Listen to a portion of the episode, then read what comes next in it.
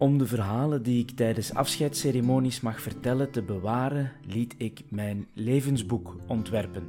Ik vertelde daarover vorige keer het verhaal erachter.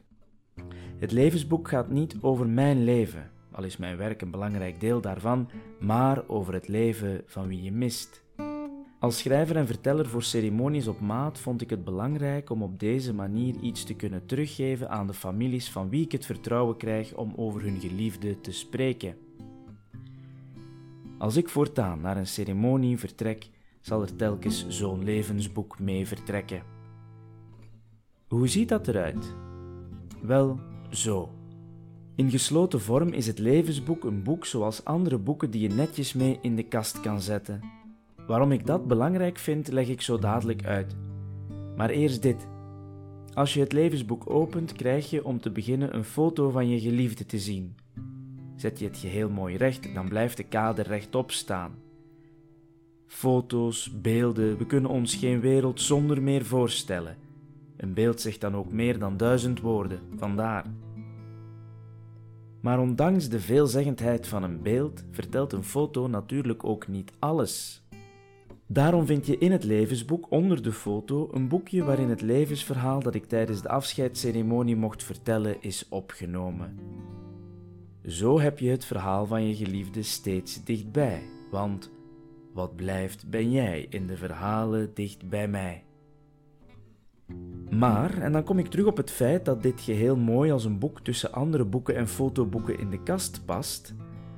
Sommige mensen worden niet graag dagelijks aan het verdriet herinnerd. En gelukkig vindt de pijn meestal na een tijdje wel een uitweg om niet constant aanwezig te zijn. Dus wanneer het gemis voldoende verwerkt is, kan je het geheel gemakkelijk dichtklappen en mee in de kast zetten. Niet om je geliefde te vergeten, nee, integendeel, om hem of haar en het hele verhaal weer eens ter hand te nemen als er ruimte voor is en daar nood aan is.